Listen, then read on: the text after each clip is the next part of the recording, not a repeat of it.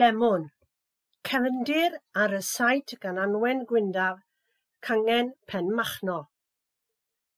Tarddai'r gair lemon o'r dwyrain canol, ac mae'n debyg i'r gair ffenig limon neu'r eidaleg limonê.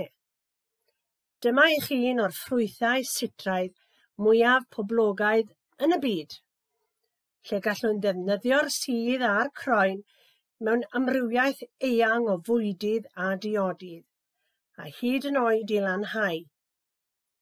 Faint ohonoch sydd wedi defnyddio'r ffrwyth unigryw yma yn ystod y misoedd diwethaf? Tybed pwy naeth wirod lemwn yn barod at y Nadolig neu geiled lemwn yn anreg arbennig. Defnyddiwn y lemwn cyfan ar gyfer marmalade, Tafellu ohono fel garnais ac i addurno bwyd neu ddiodydd. Defnyddir i ychwanegu blas i gynhyrchion wedi pobi neu bwdinau i reis ac amrywiaeth o seigiau eraill.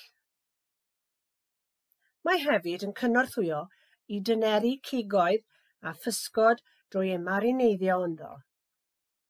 Pwy gafodd grempog, pancws gyda lemwn a siwgr a ddydd mawrth yn nid. I arbed rhai ffrwythau rhag newid lliw, ocsideiddio, mwydwch nhw mewn sir lemwn. Defnyddir y dail hefyd i wneud te ac i baratoi cigoedd a bwyd môr ar gyfer eu coginio.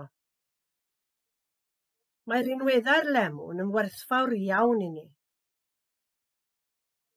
Er nad yw hinsawdd y wlad yma yn addas i dyfu coed lemon, gan nad yw'r tymheredd yn gyson uchel, gellir rhoi tro ar drio i dyfu yn y tŷ gwydr, neu geisio twyllo'r hau fel gwnaeth rhywun yn ardal Penmachno. Rhai blynyddoedd yn ôl bellach, roeddwn yn mynd am dro ac yn pasio cartref un o drigolion y pentref. Sylweddolais fod ganddo goeden yn yr ardd ac yr oedd i'w gweld yn llawn o ffrwythau lemwn.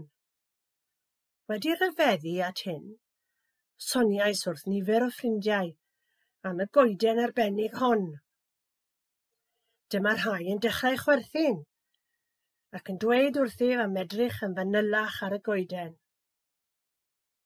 Ymlwybrais yn ôl er mwyn ail-edrych ar y goeden rhyfeddol. Roedd y perchennog, a oedd yn dipyn o gymeriad, wedi clymu degau o lemonau jiff plastig i'r canghennau a'r rhai fel fi wedi llyncu'r a bwyd. Sôn am chwerthin.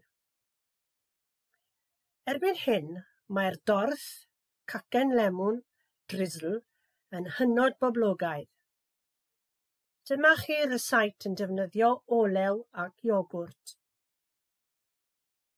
125 gram o iogwrt plaen neu un blas lemon llaeth y llan. 250 gram blawd codi. 150 ml olew llyseuol. 125 gram o siwgr castor a 75 i 100 gram ar gyfer addurno.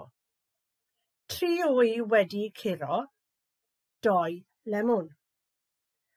Popti, 180 Celsius neu 160 Celsius fan. Nwy rhif pedwar tin torth doi bown neu un kilogram. Dill 1.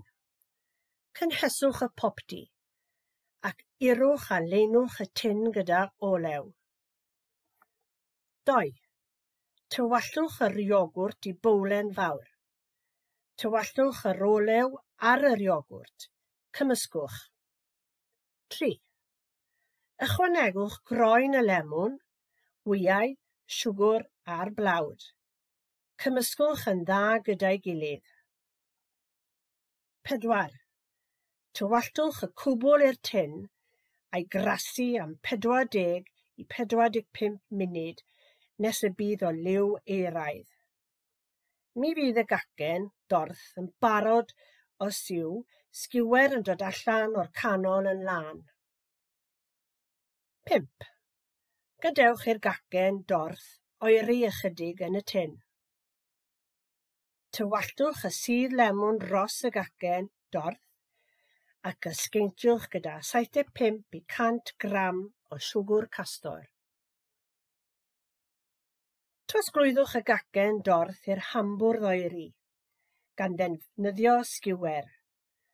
Gnewch dyllau ar dop y gacen dorth. Tywallwch y syrup dros wyneb y gacen dorth a gadewch iddo fwydo am tua 10 munud.